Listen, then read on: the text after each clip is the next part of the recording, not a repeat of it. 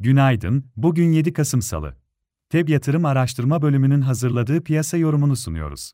Fed'in faiz artırımlarında sona gelindiğine yönelik güçlenen beklentilerin küresel piyasalar üzerinde olumlu yansımaları hafta başında da sürdü.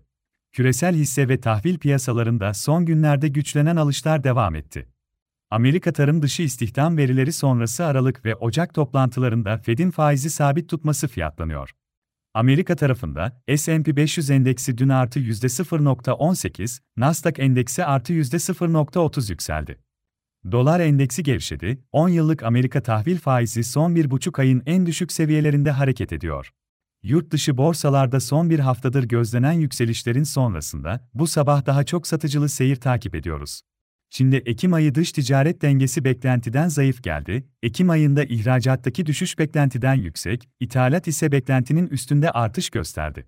Asya borsaları negatif açıldı, Şanghay endeksi eksi %0.3 dolayında aşağıda, Nikkei endeksinde %1'i aşan değer kaybı gözleniyor. Haftaya hisse senedi işlemlerinde açığa satışa getirilen yasağın etkisiyle %5'i aşan yükselişle başlayan Güney Kore Kospi Endeksi bu sabah eksi %3 dolayında aşağıda seyrediyor. Amerika endeksleri vadeli tarafta güne başlarken hafif aşağıda işlem görüyor, Avrupa borsalarının da güne satıcılı tarafta başlaması bekleniyor. Amerika'da bugün Eylül ayı dış ticaret dengesi verileri açıklanacak, ayrıca Fed üyelerinin konuşmaları takip edilecek, Avrupa tarafında Euro bölgesine ilişkin üfe rakamları önemli olacak. İçeride bugün önemli bir veri akışı bulunmuyor. Borsa şirketleri 3. çeyrek sonuçlarını açıklamayı sürdürüyor. Borsa İstanbul ise yeni haftaya küresel piyasalara paralel pozitif başlangıç yaptı. BIST 100 endeksi günü %2.10 yükselişle 7868 seviyesinde tamamladı.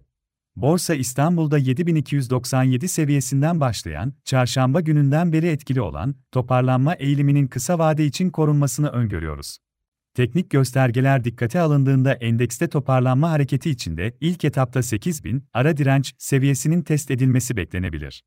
Kısa vade diğer önemli dirençler 8250 ve 8400 seviyelerinde bulunuyor. Günlük bazda destek olarak 7750 ve 7640 seviyeleri izlenebilir. Hisse tarafında ise endekste toparlanma hareketi içinde teknik olarak kısa vadeli alım yönünde Akçansa, Aksigorta, Aygaz, Ereğli Demirçelik, Kalekim, Migros, Türksel, Vestel Elektronik, Yapı Kredi Bankası hisselerine bakılabilir. Piyasaları değerlendirmeye devam edeceğiz. Feb yatırım olarak herkese iyi bir gün dileriz.